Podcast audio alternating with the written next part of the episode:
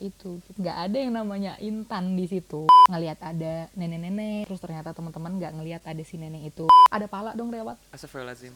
si Rian mana? Kan tadi ikut sama kalian kan di mobil. Kang tadi tuh kita berdua doang.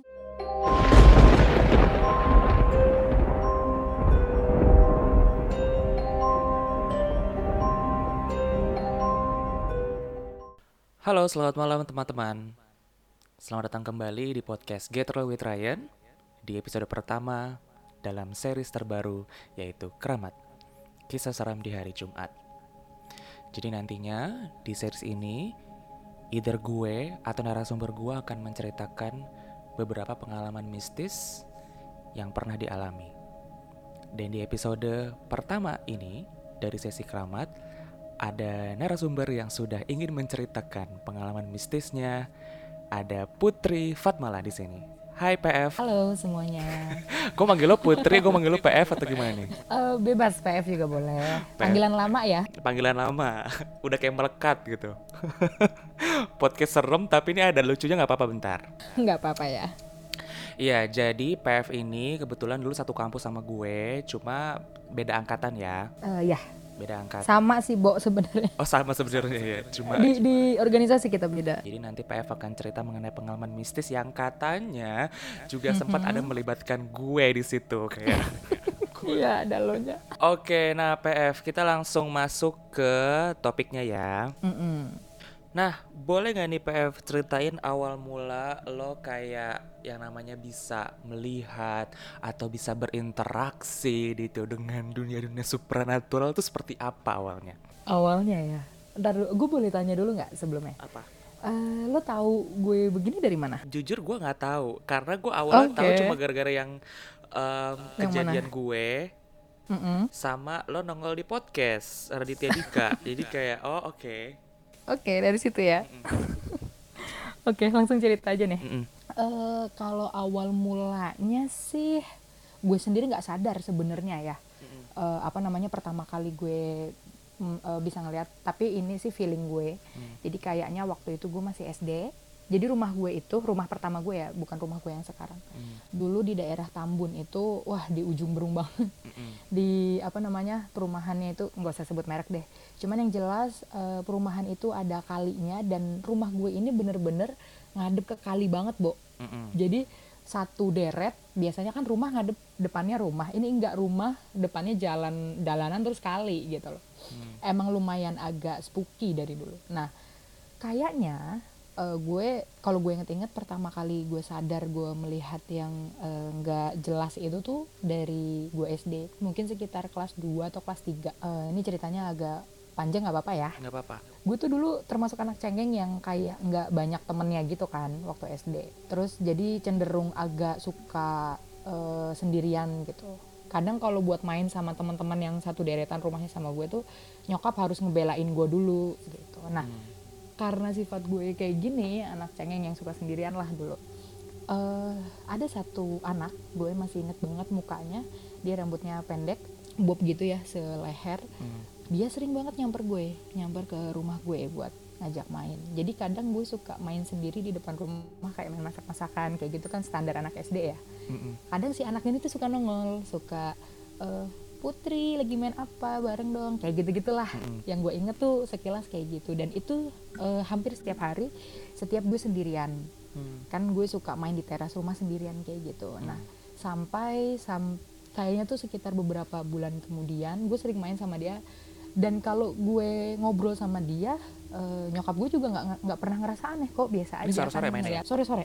Sore-sore menjelang maghriban gitu. Kadang paling azan maghrib dipanggil masuk ke rumah kan nah eh, apa namanya dan gue juga sering main malam dulu sama teman-teman sederetan gue itu kayak eh, jam 7 sampai jam 9 rame deh satu deretan gue tuh rame banget gitu. nah sampai suatu hari setelah gue lama main sama dia akrab kok akrab deket suka main masak-masakan bareng eh gue hafal banget rumah dia itu selangnya tiga rumah dari rumah gue. Tapi eh, tiga rumah ke sebelah kiri gitu ya. Karena setiap maghrib dia selalu pulang ke situ lari. Jadi kalau gue dipanggil sama nyokap dia ucuk lari ke rumahnya dia. Eh, dan saat kelas 2 SD-an itu kan gue nggak hafal siapa aja eh, pemilik rumahnya ya orang tuanya. Kalau anak-anak kecilnya sih gue hafal. Sampai suatu hari uh, gue ribut sama nyokap gue buat main ke rumah dia gitu. Hmm. sama si Intan namanya. Terus uh, mama mau main sama Intan dong ke rumah itu. Terus nyokap gue yang kaget Intan siapa? kata nyokap kan. Hmm. itu loh uh, yang rambut pendek itu loh yang cantik. Gue bilang kayak gitu. Rumahnya di situ gue tunjuk-tunjuk itu kita datang ke situ. Ternyata uh, rumah itu yang nempatin memang kayak emas-emas yang umurnya saat itu udah 35 36 tahun belum belum menikah. Dan dia di situ tinggal sama orang tuanya doang bapaknya doang which is gak ada yang namanya Intan di situ sama sekali. Kita manggil si laki-laki itu kalau nyokap atau orang tua orang tua lain sih manggilnya om om om aja om om gitu. Dan ternyata pas gue main ke situ gak ada yang namanya Intan di situ. Udah gitu si om itu pas pas nyokap klarifikasi kan ini katanya Putri sering main sama yang namanya Intan dan larinya selalu ke rumah sini. Si om itu juga malah cerita. Dia suka bilang kalau bapaknya saat itu kayaknya sekitar umur 60 tahunan ya hmm. udah kakek-kakek gitu. Bapaknya itu sering banget maghrib ngobrol di depan rumah. Dulu ada kayak mini pos gitu yang isinya banyak drum-drum bekas gitu deh di depan rumahnya si om itu. Uh, ngobrol sama mbak-mbak. Jadi setiap omnya panggil uh, pah ngapain? Maghrib-maghrib di luar ayo masuk. Ini loh masih ngobrol masih mbak bentar lagi gitu. Yang mana si om itu ngelihat ya bapaknya ngomong sendirian di situ. Iya.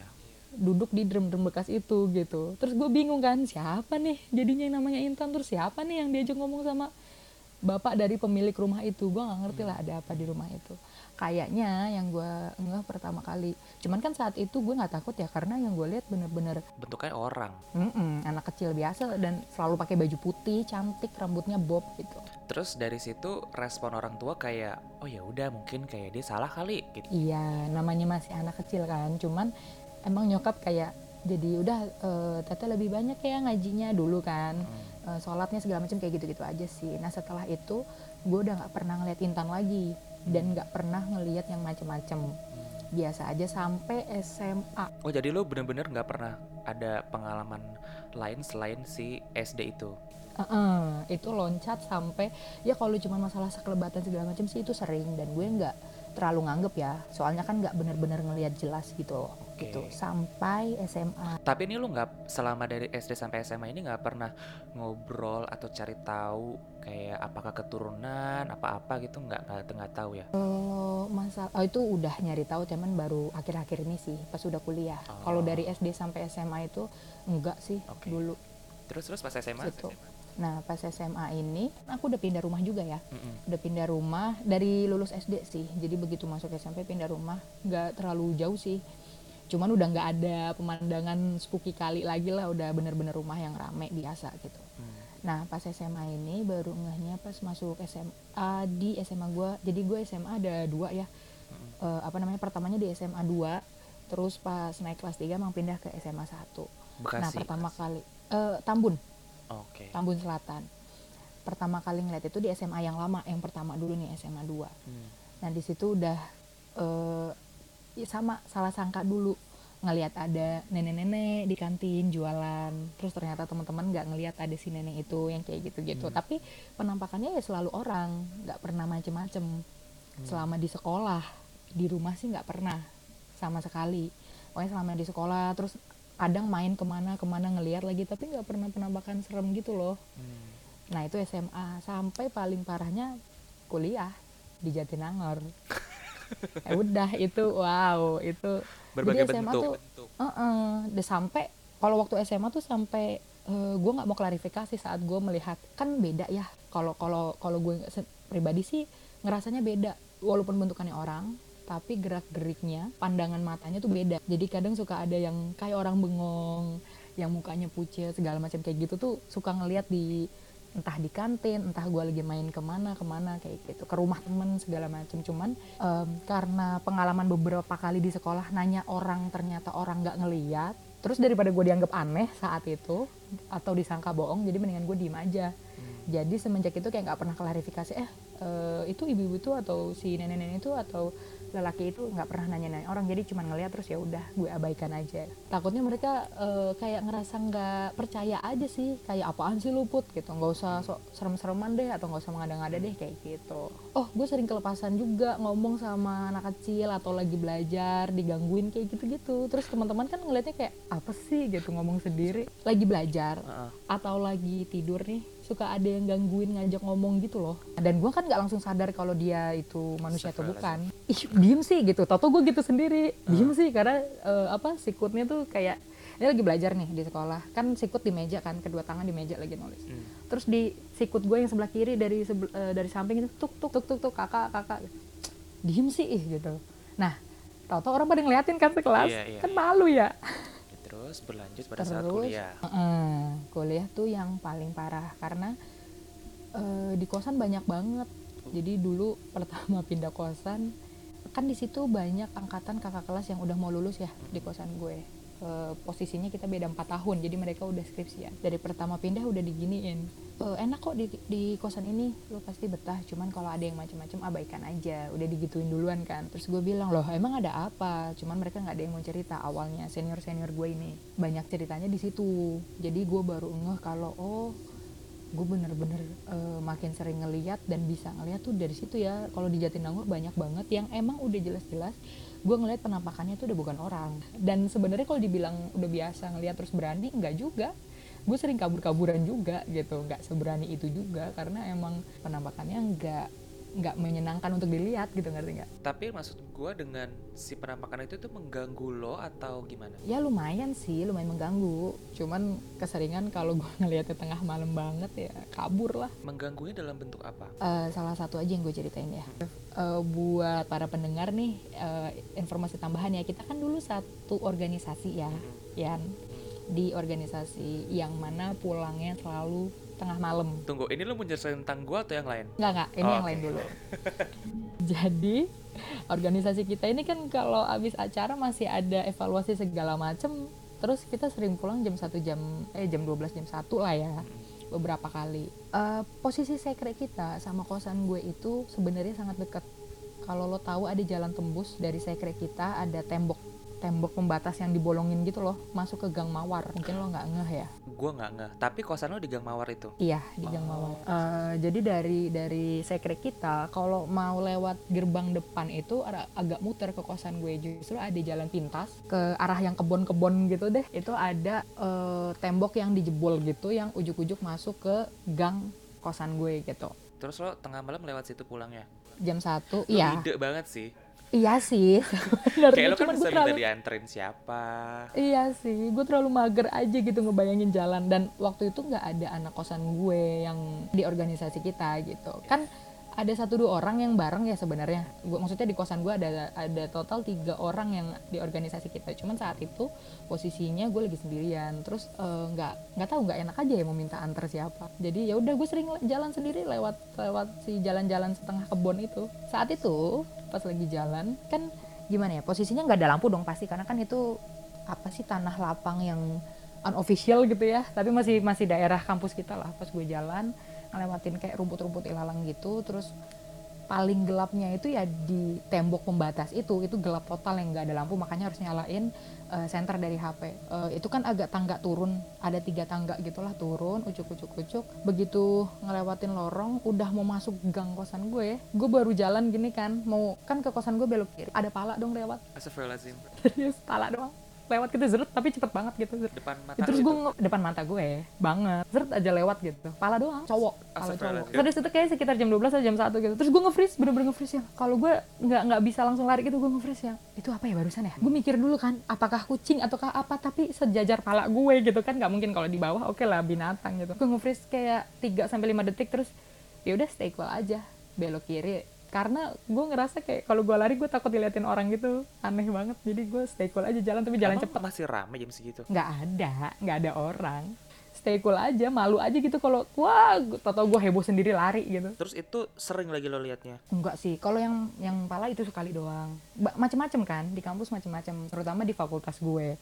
Di daerah-daerah yang eh, perjepang-jepangan itu. Oh macam-macam kalau di kampus tuh banyak banget. Makanya gue bilang gue makin sering ngeliatin macam-macam tuh semenjak kuliah dan semenjak tinggal di Jatinangor itu gitu terus gue ceritain yang elu kali ya yang ada elunya Boleh. kalau yang ada elunya itu waktu itu Aduh, gue juga deg-degan dengerin. Langsung dari Iya. sumbernya nih, mohon maaf. dan kenapa harus ada elo ya gue juga bingung jadi gini Anjir, gue juga gak ngerti. itu acara kan kita kayak jurit malam gitu lah ya Betul. semacam itulah ya lo lo masih inget lah mungkin. Jadi jadi gini teman-teman konteksnya jurit malam. Iya. Jadi di situ tuh gue yang ngejurit malemin dan kebetulan gue kayak ketuanya pada saat itu. betul. Emang dan lo jadi kayak- MC juga. Wow. lo jadi MC juga kan? Berdua siapa ya ceweknya? Gue lupa. Kayak kenapa gue mesti jadi ketua di acara jurit malam gitu? Kayak Rian.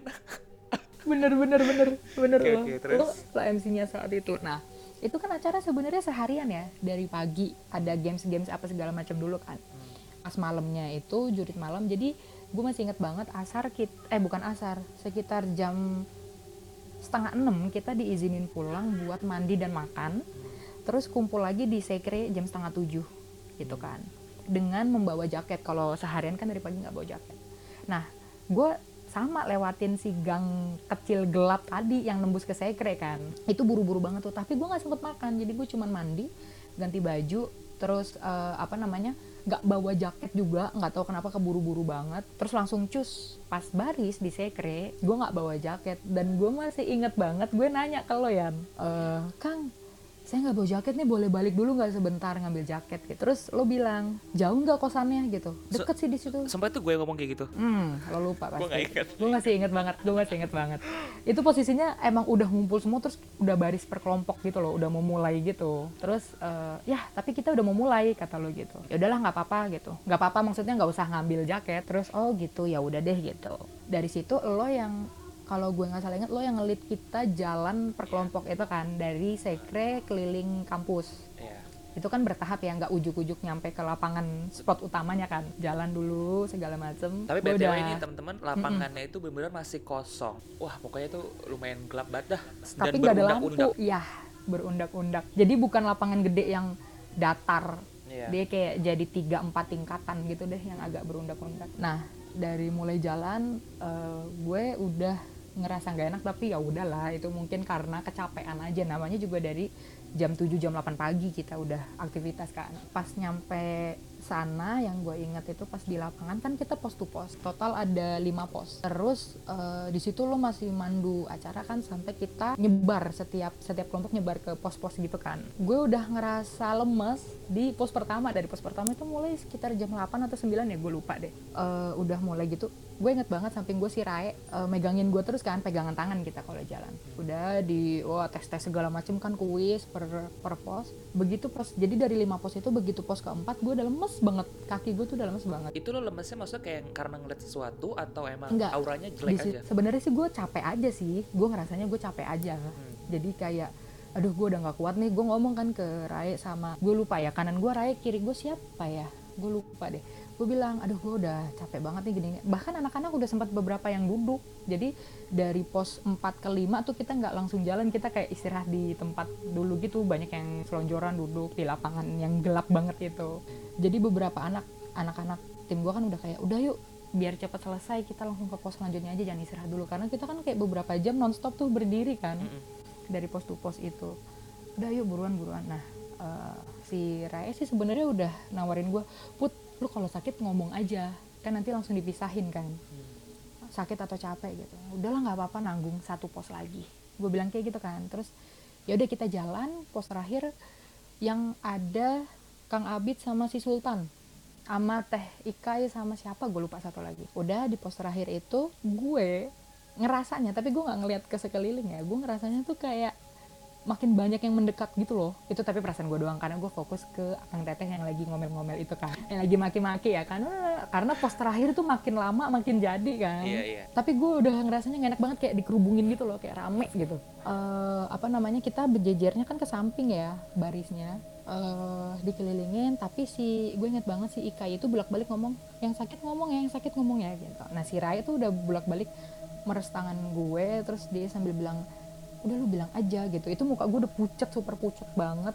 Udah dan kaki gue tuh dingin banget ya tapi yang aneh tuh bener-bener telapak kaki doang yang Hmm. dingin. Hmm. telapak kaki sama telapak tangan. Enggak lah udah ini terakhir gitu. Dikit lagi dikit lagi gue bilang kayak gitu. Makin dingin makin dingin. Aduh udah perasaan kayak enak banget. Dan itu makin kenceng di omel-omelinnya tuh gue udah nggak fokus tuh. Gue udah nggak denger sekeliling ngomong apa sampai eh, di satu momen yang mana gue melihat ada sosok laki-laki yang mukanya hancur banget.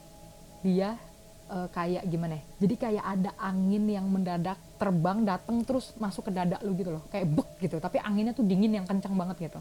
Dan saat itu sekilas gue ngeliat si muka laki-laki hancur itu. Kayak orang mau mungkin gue belum pernah kesurupan ya. Cuman mungkin begitu kali ya rasa orang kesurupan gue nggak ngerti juga deh. Pokoknya ada hembusan angin tuh yang kencang banget terus apa nabrak dada gitu. Dan saat itu juga gue langsung kolaps jatuh gitu. Terus eh, tapi saat gue jatuh itu sebenarnya kesadaran hilang sih enggak cuman badan gue lemes lemes lemesnya kayak mendadak dengkul tuh kayak nggak ada tulangnya gitu. Gimana ya lemes banget. Terus langsung jatuh terus si wah gue denger lah gue masih bisa denger orang-orang pada astagfirullahaladzim astagfirullahaladzim gitu. Terus eh, pada mencoba gotong gitu kan yang akhirnya diangkat sama Kang Abid itu kan dipinggirin. Kan dipinggirin dulu nggak langsung dibawa ke sekre saat itu kan. Pas dipinggirin eh, itu si Sultan nyari mobil eh nyari bantuan maksudnya nyari kendaraan buat balikin ke sekre. Si Dita kalau nggak salah bawa mobil ya. Iya. eh, Kang Ab- eh, jadi gue berdua Kang Abid doang di situ. Masih dikasih minum apa segala macam gitu kan. Gue bilang Kang dingin Kang dingin. Gue bilang kayak gitu. Karena bener-bener udah kayak kena batu es gitu loh tapi bener-bener telapak tangannya doang sama telapak kaki. Nah sama si Kang Abid kan dijaketin segala macam ya nggak ngefek bener-bener yang dingin tuh cuman telapak tangan telapak kaki gitu kan. Terus eh, masih diajak ngomong terus sama Kang Abid segala macam dikasih coklat lah disangkanya karena masuk angin gitu loh. Terus sambil nungguin mobil dan akhirnya datanglah bantuan tuh si tadinya mau naik motor nggak jadi kan terus akhirnya si Dita bawa mobil kan. Iya. terus eh, dibopong sama Sultan juga. Nah lucunya pas masuk gue masuk mobil jadi mobil posisinya Dita nyetir gue di belakangnya Dita di Iya. kursi penumpang. Sampingnya Dita kosong. Terus samping gue di kursi penumpang itu barang jadi emang di belakang cuma bisa ada gue doang. Gue anehnya pas di Kang Abid. Oh enggak enggak sorry sebelum Dita dateng pas Dita udah deket gitu ya gue kan duduk dulu didudukin karena nggak sanggup berdiri saat itu. Itu tuh gue bilang sama Kang Abid pokoknya gue bilang Kang hafal ayat kursi nggak gue gitu nggak hafal. Terus "Ba- minta tolong bacain dong. Nah dia kaget tuh. Hah? Karena disangkanya dari tadi masuk angin kan tuh hah? Putri kenapa? Gitu. Terus nggak minta tolong bacain aja Kang. Nah terus dibaca bacain lah di situ sama dia. Sampai Dita datang itu posisi udah di pinggir jalan lah. Nggak nggak kayak tadi. Nah begitu Dita datang dan gue dimasukin di belakang. Anehnya tuh kenapa gue harus dimasukin di belakang ya? Kan sampingnya Dita kosong kan? Terus gue dimasukin di belakang. Begitu gue masuk si Sultan sama Kang Abidnya mundur. Nggak ada yang ngikut. Terus gue sama terus si Ditanya juga kok nggak ada yang ngikut sih? Kalau nggak salah Dita ngomong kayak gitu. Terus udah kalian jalan gitu. Si Kang Abidnya gitu. Tapi Sultan sama Kang Abid udah diem aja gitu di tempat. Terus udah Dita jalan. Nah pas Dita jalan kayaknya Dita Ditanya udah tahu gue kenapa. Dia ketakutan kan. Jadi dia Iya. nyetir sambil sekret tuh sambil put lu jangan bengong ya jangan bengong ya tadi gitu. Itu lucu banget. Terus terus gue tuh nggak mau banget nengok ke kiri. Jadi gue nengok ke kanan aja di jendela mobil gitu kan. Gini aja gue terus eh, sampai sekre mobilnya nggak bisa masuk depan sekre jadi pinggir jalan Dita berhenti parkir gue langsung lari ke sekre. Itu gue bisa jalan itu. Di atas kan lemes banget ya. Di situ gue turun lari. Terus si Dita gue nggak tahu dia mau ngambil apa dulu di mobil. Pokoknya gue lari lah ke sekre. Masuk. Di dalam ada Ikai sama ada yang sakit. Nggak tahu lah siapa tuh satu dua orang yang yang angkatan gue ya. Di situ eh, si Dita masih panik. Terus eh, gue masih kedinginan pakai selimut segala macam masih kedinginan gak hilang-hilang terus ada yang ngide kalau nggak salah Dita atau Ika ya. Eh panggilin Kang Abid aja deh ke sini suruh bacain doa gitu.